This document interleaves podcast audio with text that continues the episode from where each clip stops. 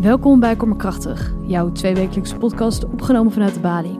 Ondanks de groeiende populariteit van plantaardige opties domineren dierlijke eiwitten nog steeds ons dieet. Waarom laten we groenten in de schappen liggen terwijl we ons te goed doen aan rund of kip? En wat leren we van het verenigd succes van de havermelk? Mijn naam is Lindeen en eerst ga ik in gesprek met programmamaker Kees Fukuma. Welkom Kees, fijn dat je er bent. Leuk hier te zijn. We gaan het vandaag onder andere hebben over het enorme succes van havermelk. Ja. Want wanneer ik in Amsterdam een cappuccino bestel, dan krijg ik vrijwel altijd meteen die vraag: wil je koemelk of havermelk? En dit was voor jou ook de aanleiding van dit programma. Ja, die vraag koe, normaal of haver, die, die houdt me sowieso bezig. Maar havermelk op zich is een heel interessant gegeven. Een trope geworden in de discussie over duurzaamheid. Terwijl het maar de vraag is of het echt een oplossing is. Bijvoorbeeld dat bedrijf Oatly, wat in 1993 ergens in een uithoek van Zweden is opgericht. Dat werd pas in 2013 echt een succes. Want het was eerst voor lactosevrije melkalternatieven. En opeens werd het een climate company. En toen is het de hele wereld over gegaan. Super Bowl reclame die niemand ooit vergeten gaat. En inmiddels kan je het in de Albert Heijn niet meer aanslepen, die, uh, die grijze pakken. Barista Oatly. En dat fenomeen houdt me bezig, omdat ik vraag me heel erg af of dat nou eigenlijk wel de oplossing is. Ik weet in ieder geval dat de zuivelindustrie heel schadelijk is voor het milieu. Daar kunnen we misschien wat langer over hebben. Maar of havermelk nou de oplossing is, dat is mij maar de vraag. Ja, het was ook echt een volle bak deze avond. En dat met het woord eiwittransitie in de titel. Kan je me hier wat meer over vertellen? Wat houdt die eiwittransitie in? Ja, de eiwittransitie is het gegeven dat op dit moment het overgrote deel wereldwijd van de ingenomen eiwitten, belangrijke bouwsteen, iets wat we moeten eten, volgens de Gymsharks heel veel, maar iedereen heeft het nodig, om te zorgen dat de bronnen die we daarvoor gebruiken plantaardig worden. Dat is de eiwittransitie. Dat is een hele belangrijke transitie. Dus voor sommige mensen is het net zo belangrijk als het in de grond houden van fossiele brandstoffen. Sommige mensen zeggen zelfs het is belangrijker. Want het hele landschap, hoe we dat inrichten, hangt af van hoe we die eiwitten produceren. Dierlijke eiwitten leggen gewoon enorme grote druk op het milieu. Nemen heel veel land in gebruik, heel veel water. Maar om nog maar over antibiotica en dat soort zaken te zwijgen. Plantaardige eiwitbronnen, dat kan echt ontzettend helpen om uh, milieuvraagstukken het hoofd te bieden. Die eiwittransitie is een saai woord, toegegeven, maar kennelijk krijg je er wel een salon mee vol in de Bali. En dat zegt volgens mij wel ten eerste iets over hoe er in de stad nagedacht wordt over dit soort issues. Want we kregen op YouTube ook meteen heel grappig allemaal comments van ja hoor, ze gaan in de, in de grachtengordel weer even over havermelk praten. Maar het laat zien dat volgens mij veel mensen zich ook om het landschap en om de omgeving rondom de stad gaan bekommeren. Ja, en ik hoor nu als oplossing onder andere minder vlees. Zijn er nog andere oplossingen voor deze transitie? Minder vlees, maar dat betekent dus, en dat is nu wel grappig, daar komt die havermelk dan wel echt terug, veel minder zuivelproductie ook. Dus ik zei al dat de consumptiemelk in Nederland is ongeveer 7% geloof ik van alle melk waar geld aan verdiend wordt in Nederland. Waar ik denk dat we echt bij stil moeten gaan staan, is dat wat wij in Nederland consumeren aan vlees en aan melk, dat niet echt een deuk in een pak boter slaat als het gaat over wat Nederland produceert. Dus hoeveel zuivel Nederland levert aan, aan de Nestle's, de Danones, de Yili's van deze wereld. En dat gaat dan in vlaatoetjes en melkpoeder en babyhapjes de wereld over. Die zuivelindustrie die bepaalt weer hoeveel kalfsvlees hier gemaakt wordt. Hoeveel kalfsvlees wij exporteren weer vervolgens. En dan hebben we ook nog de vleesindustrie daarnaast. Dus dat geeft gewoon even aan hoe, hoe erg al die ketens met elkaar verbonden zijn. En hoe moeilijk het is om de hoeveelheid vlees terug te dringen. Want het gaat dus niet alleen over wat wij hier in Nederland beslissen in ons consumptiegedrag. Wij hebben daardoor als Nederland denk ik een, een, een stukje uh, zeggenschap over onze publieke ruimte opgegeven. Door zoveel zuivelgiganten groot te laten worden. Dus ja, we moeten het hebben over hoeveel gehaktballen wij eten. En ja, we moeten het hebben over wat je in je cappuccino doet. Maar ik denk dat we vooral moeten hebben over wat voor industriepolitiek Nederland voert en hoe we onze publieke ruimte weer gaan inrichten. En daar stroomt dan volgens mij een gesprek uit die dan weer over dieet mag gaan, maar dan is het minder uh, verhit en dan gaat het minder over die culturele tropes. Dat gesprek, dat helpt alleen maar de mensen in de hand die groepen willen verdelen. En, en dat zag je in die avond ook die we in de Bali hebben gehad. Dat als je die tropes niet zo belangrijk maakt, dat je eigenlijk over heel veel dingen eens kan worden. Ja, je bent nog lang niet klaar met het thema, want op 12 februari organiseer je een nieuwe avond over de eiwittransitie. Wat hoop je deze avond te weten te komen? Ja, dan heb ik het voor elkaar gekregen een nog irritantere naam uh, in de titel te zetten, namelijk microscopisch leven. Maar daar gaan we het hebben over wat microben, microscopisch leven, te maken heeft met de eiwittransitie. En dat heeft ermee te maken dat microscopisch uh, leven zelf een hele belangrijke uitkomst kan zijn voor het maken van nieuwe eiwitbronnen en vetten. Dus letterlijk het brouwen van eiwitten in een soort van biervaten. door bacteriën en gisten. Dat is een technologie die nog heel erg in de kinderschoenen staat, maar volgens sommige experts een ontzettende slag kan slaan. Maar het gaat ook over microscopisch leven in ons eigen microbioom. Dus wat de impact is van andere diëten op onze gezondheid. Dat is volgens mij een gesprek wat, uh, wat nog op gang moet komen. Dus de, microscopisch leven zijn eigenlijk de stille regisseurs van de eiwittransitie. En daar gaan we het over hebben. Dankjewel, Kees. Meer over de uitdagingen en oplossingen van de eiwittransitie ga je nu horen van lector psychologie voor een duurzame stad, Rijns-Jan Renes, en lector designmethode in food, Antien Zuidberg. Een gesprek gemodereerd door onze vaste koplopersmoderator Deun van de Keuken.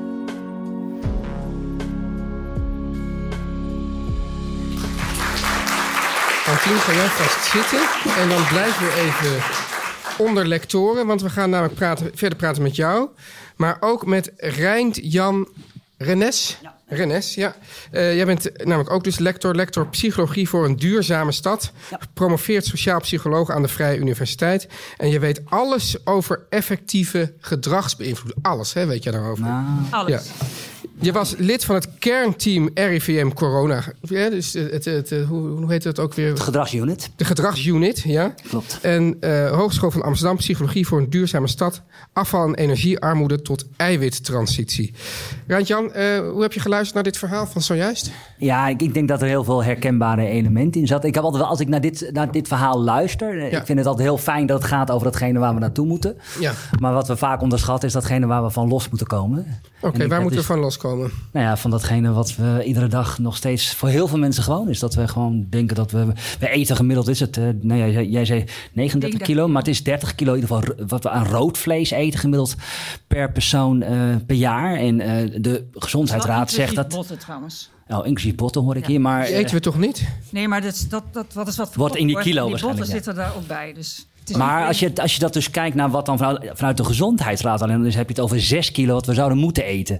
Dus er zit een gigantische overconsumptie van dit soort uh, eiwitrijke vleesproducten. En dat gaat ook over zuivel. En uh, daar komen we heel slecht van los. Dus je kunt wel, wel zeggen, er komt een alternatief. Dat gaan we zo aantrekkelijk mogelijk maken. Maar je moet vooral ook heel goed gaan nadenken. Wat maakt dat we eventueel ons los kunnen maken van datgene. Waarom komen we daar zo moeilijk van los? Ik bedoel, je hebt er natuurlijk al wat dingen ja. gezegd. Maar... Nou, dat zit hem toch wel vooral aan uh, in het feit dat het echt zo ongelooflijk ingebakken zit in de samenleving op alle mogelijke manieren. Het is, de, het is nog steeds voor nou ja, toch wel 90% de norm. Het is gewoon datgene wat we doen. Het zit in het aanbod, het zit in de infrastructuur, het zit in de prijs, het zit in de subsidies, het zit door alles heen. Dat wat roken was in de jaren 70, dat ja. gewoon 80% van de samenleving rookte. En dat op ieder feestje dat al klaar stond, dat is vlees in nog vele mogelijk grotere mate. Ja? En ook, en ook zuivel. Ja, het is echt totaal door deze, door de hele Nee. organisatie. Ja. Ja. ja, en het is, niet, het, het is niet normaal. Het is normaal om vlees te eten. Misschien in deze zaal niet, maar Leidt het niet ook uh, tot irritatie? Dat, dat, dat, dat- kijk, dit is, ook wel tekenend. Wij gaan hier dus nu eigenlijk hier vanuit de balie... Die, dat staat dan toch voor, voor die havermelk-elite. Wij gaan nu eigenlijk aan de rest van Nederland zeggen... dat ze er dus mee op moeten houden. Maar ik niet hoor. Ik zeg het niet tegen mensen dat ze op moeten houden. Nou, maar ik, ik vind het toch wel een beetje doorklinken in je verhaal. Nee, ik, ik probeer te verklaren waarom het zo moeilijk is. Ja. Maar ik zeg niet tegen mijn, mijn vier broers uit Twente dat ze het niet meer mogen, niet meer mogen doen. Nee, en Ze je zien met- wel dat ik zo zij kopen voor mij tijdens de barbecue ieder jaar wel een plantaardig iets. Dat gaan ze zoeken in Diepenheim of dan hebben ze één één zo'n ding. Maar zelf eten ze gewoon nog vlees. Ja, en dan, gaat, dan wordt daar geen gesprek over. Zeker, wordt dan, maar dan vinden ze het meer een beetje gek dat ik dat doe. Maar ja. aan de andere kant is het... In de, ik ga niet tegen ze zeggen dat zij dat niet meer mogen doen. Maar het aardige is wel dat ze daarmee in ieder geval worden geconfronteerd. Net als de gele OV-fiets die ze één keer in het jaar in het dorp zien. Omdat die natuurlijk ook... Dat ben jij ook weer. Ja, dat ben ik ook weer. Ja, ja, dan- ja, ja. Ja, Maar ik- Ja. ik- het grappige is dat eh, mijn man is een, een vleeseter, een Duitser, houdt van zijn vlees. Ja, Maar hij, Waarom zeg je nou meteen bij het Duitser? ja, hij is een Duitser. Hij is een Duitser. Hij houdt van zijn vlees. Goed vlees.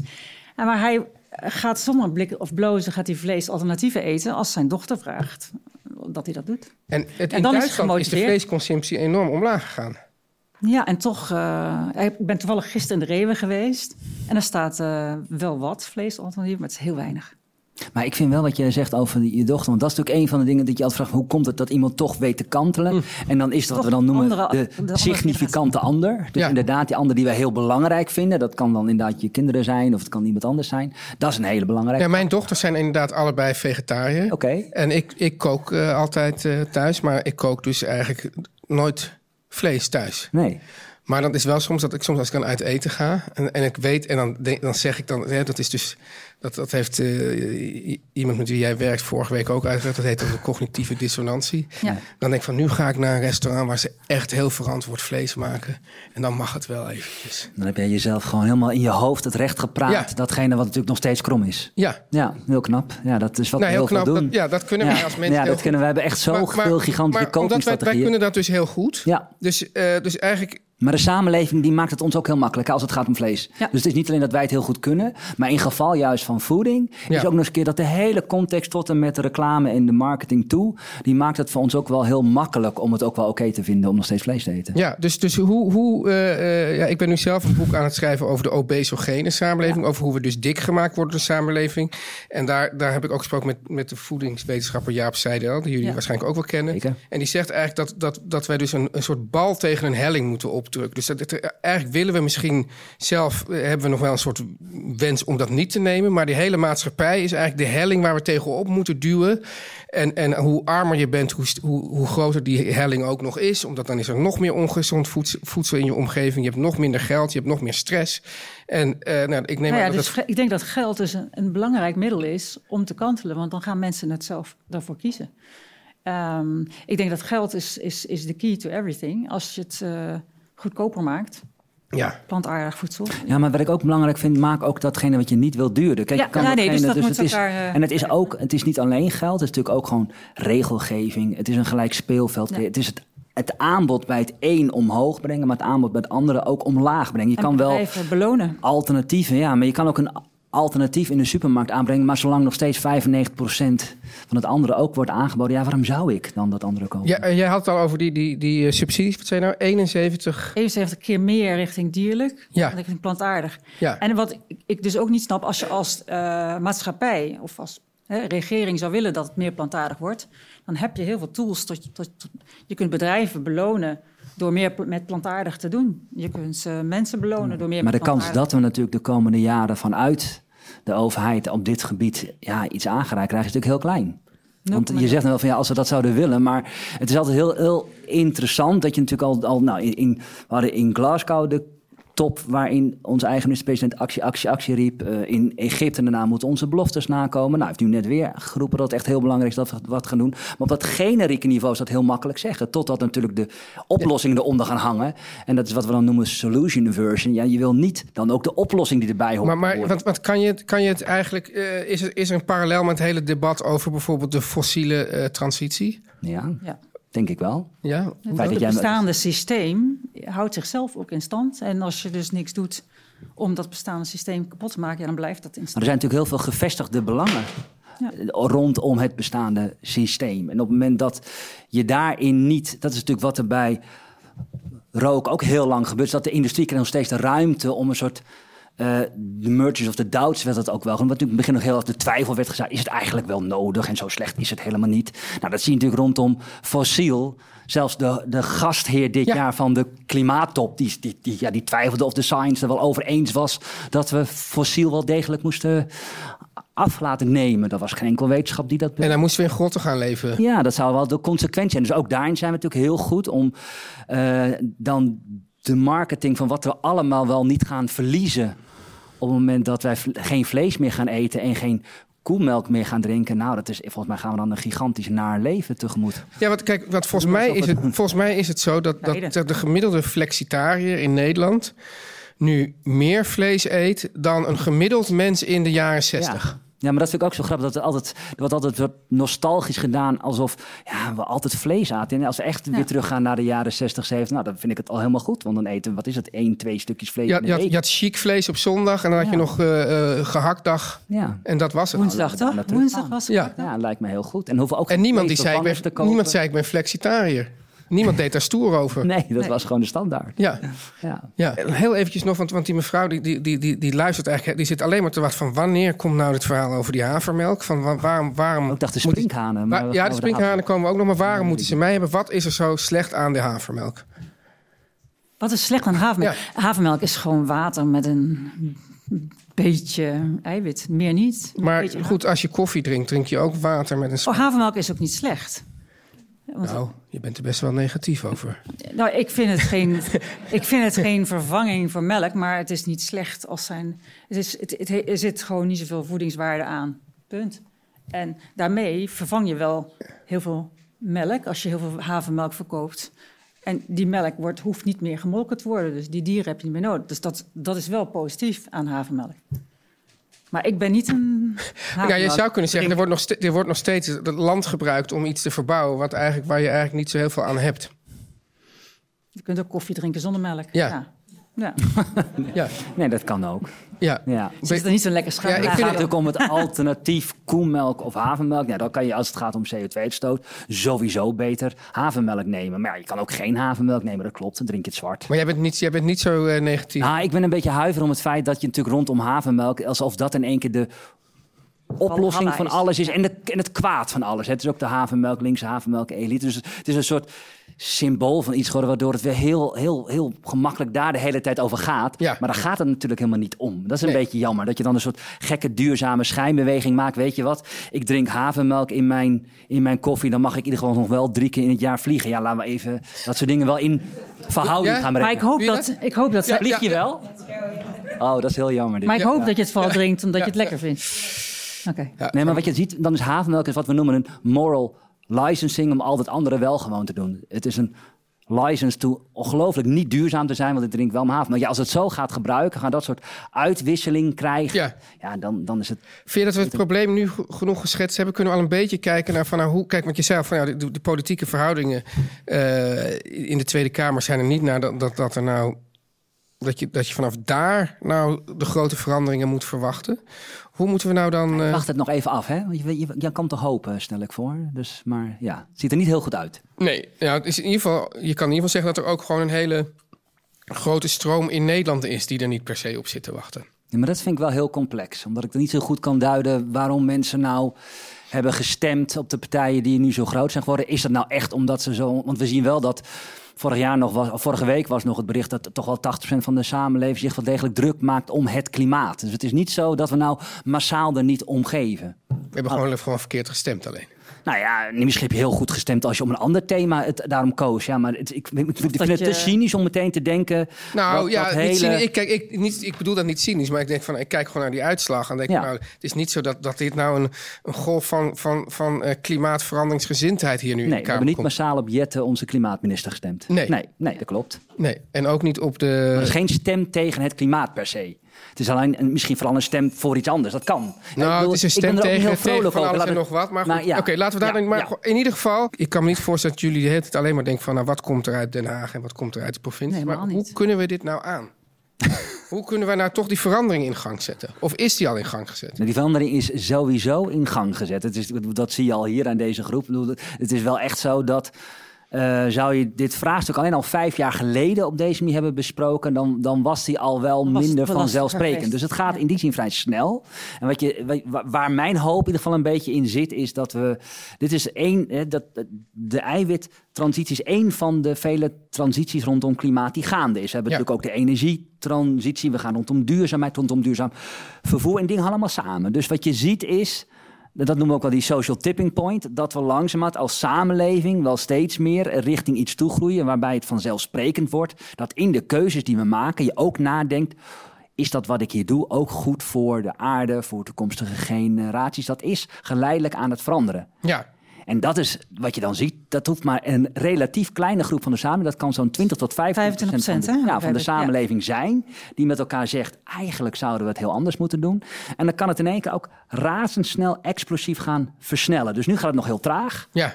En eerlijk gezegd, daar zit een beetje mijn huiver dat dat door, door de verkiezingen nu niet extra versneld wordt. Dus misschien moeten we nog even twee, drie jaar even wachten. Maar daarna kan het in één keer zomaar weer door, Ja. door andere mensen die er dan weer zitten... ook twee, drie jaar later in één keer explosief omhoog gaan. Ik denk ook dat het eh, verandering, je ziet, ja, je hebt zo'n curve transitie, maar dat gaat ook wel met horten en stoten. En als het dus nu gaat het weer een beetje terug, maar daardoor kan het misschien daarna weer flink. Ook omdat er een tegenweg komt. Er is Ja. natuurlijk een groep die wel het gevoel heeft... oké, misschien moeten we er niet helemaal meer op hopen... dat het in Den Haag per se besloten wordt. Provincie zou ik met BB ook niet meteen denken... dat het daar nou heel erg snel gaat gebeuren. Wat je dan ziet wel is dat er dan aan, een, dan een groep daaronder is komt... Die zegt, en dat noem ik een soort overdracht van waakzaamheid. Als zij het niet doen, nou, dan gaan wij dat thema oppakken. En dan gaan we er nog ietsje harder tegenaan. En eh, kijk, jij, jij eh, zei, eh, ja, gek, ik, ik had verwacht dat je dat met iets meer gêne zou brengen, maar dat heb je helemaal niet gedaan. Je hebt bij Campina gewerkt. Ja, Ja. Dus jij, jij, jij zat eigenlijk nog... ik zat in de melkmotor. Je hebt dus, dus jarenlang voor de dark side gewerkt. Ik vind het niet de dark side. Alleen eh, de- er is een nieuwe. eh, er is een nieuwe samenleving, er zijn nieuw, sorry, belangrijke andere waarden. Ja, En eh, ja, daar moeten we in mee. En daar moet Campina ook in mee. ja. ja want, want dat vroeg ik me nog, nog, nog af. Op een gegeven moment gaan bedrijven natuurlijk inzien Ja. Dat dingen geld opleveren. En dat is natuurlijk eigenlijk altijd de, de grootste De motor. motor voor, voor de, de, de, de witte genoter. Ja. voor het bedrijfsleven. Kan het dan niet over die boeg gewoon dat ze denken van ja, weet je wat, wij, wij zijn hier al, we zijn deze discussie al voorbij. Net zoals eh, er elektrische auto's op de markt komen. Maar het feit dat, het feit dat Campina, het feit dat Campina nu sojamelk en havermelk verkoopt, Ja. zegt toch al genoeg. Nou ja, maar nee, daar ben ik niet helemaal mee eens. Want ze verkopen al het andere toch nog steeds nog veel meer. Dus Ja. het is, zolang er geen regelgeving komt, zullen ze dat andere wel gaan doen. Dat is een winst die ze erbij pakken. Maar ze hebben geen enkele baat bij om datgene wat echt de grote motorbui is, om dat meteen ook af te gaan bouwen. Dus wat je ziet is dat misschien als al die subsidies dus in, in, niet eens. Je zult, je zult een systeem ernaast moeten opbouwen waar die bestaande status quo ook daadwerkelijk steeds ongemakkelijker wordt, eh, duurder wordt voor hen, steeds lastiger wordt. Als dat niet gebeurt, dan gaat die transitie in ieder geval niet snel genoeg. Die transitie zal er komen, die is onafwendbaar. We gaan natuurlijk richting 2050 dat allemaal wel doen. Maar het tempo waarin het moet, dat gaat, zal vanuit het bedrijfsleven niet snel genoeg gaan. Dat zal een overheid, die zal daar moeten in gaan grijpen. Dus net zoals, ik weet niet, ken je de zoutgehalte in brood? Die is in tien jaar tijd is die bijna gehalveerd. Gewoon door elk jaar, dat is een soort afspraak. Ja. En elk jaar is het gewoon een klein beetje. En daar hebben we allemaal niks van gemerkt.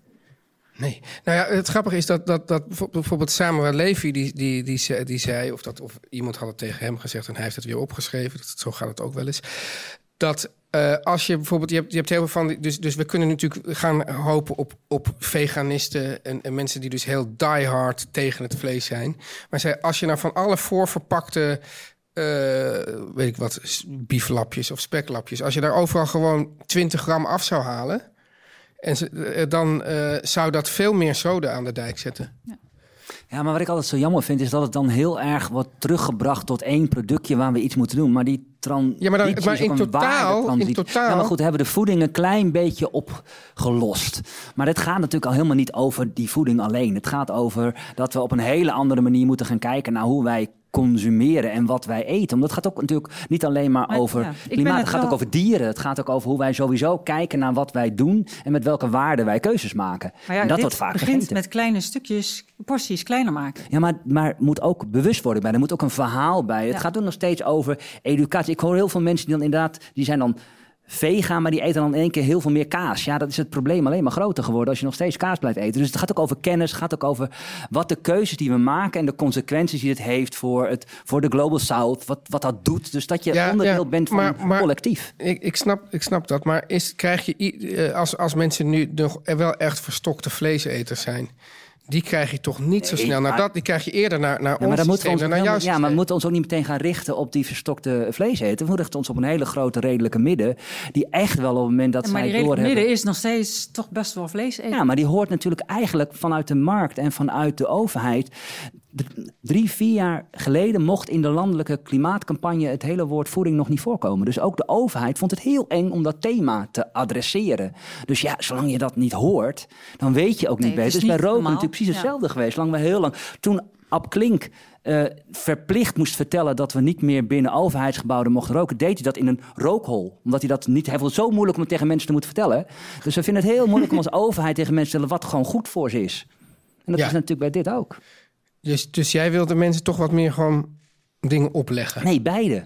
Maar doe het slim, tuurlijk. Ga ook datgene wat je doet. Maar het gevaar is een beetje dat we de hele tijd alleen maar de dingen willen doen waar mensen geen last van hebben. Maar dit vraagstuk, in de tempo waarin het moet, gaat ook frictie opleveren. Daar moet je een beetje voor durven staan. Het gaat, en het, het interessante is dat we zien uit alle studies, er is vorig jaar nog een hele mooie meta-analyse verschenen, die laat zien op het moment dat mensen in één keer klimaatvriendelijke keuzes in het leven maken, gaat meer dan alleen voeding, dan wordt hun leven oprecht gelukkiger. Mensen voelen zich prettiger. We hebben in één keer, ja, dus je voelt per direct een glow. Ja. Je denkt, oh wat goed eigenlijk dat ik eens een keer een springhaan eet in plaats van...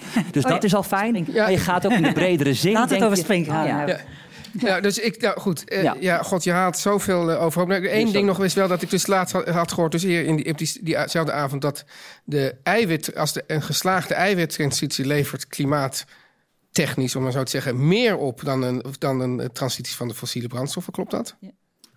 Dat durf ik. Ja, ik ben geen toch- klimaatwetenschapper. Ik vind dat soort cijfers altijd heel erg lastig. Dat is toch uit- Maar dat- moet je maar eens naar die eh, site kijken, die Project Drawdown. Ze zeggen ook dat huishoudens die zijn voor 85% verantwoordelijk voor alle CO2-uitstoot. Maar maar net wat je meerekent in de keuzes van wat een huishouden doet. Dus het is zo moeilijk om dit soort ketens echt tot op zuiveren te berekenen. Dus dan zou je weer even de berekening Maar moeten weten wat wel en niet meer. Nee, maar het is in ieder Maar geval zo voeding is belangrijk. Als je dat wil zeggen, nee, maar is het is, ontzettend het is in ieder geval zo belangrijk dat, dat mensen inmiddels wel weten van nou, vliegen is gewoon heel slecht. Ja.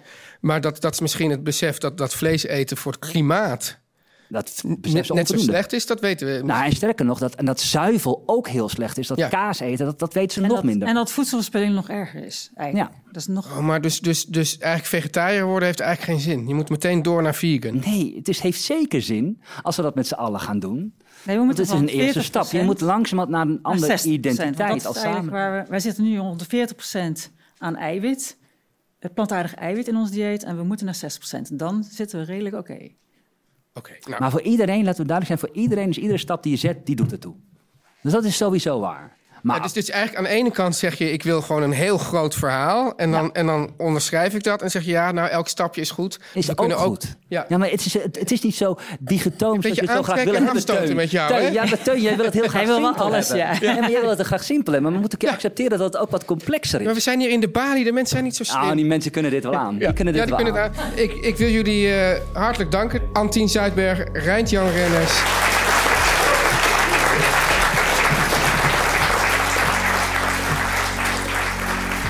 Wil jij nou live bij een van onze programma's zijn? Volg ons op de socials en houd onze website in de gaten voor nieuwe data. Tot de volgende.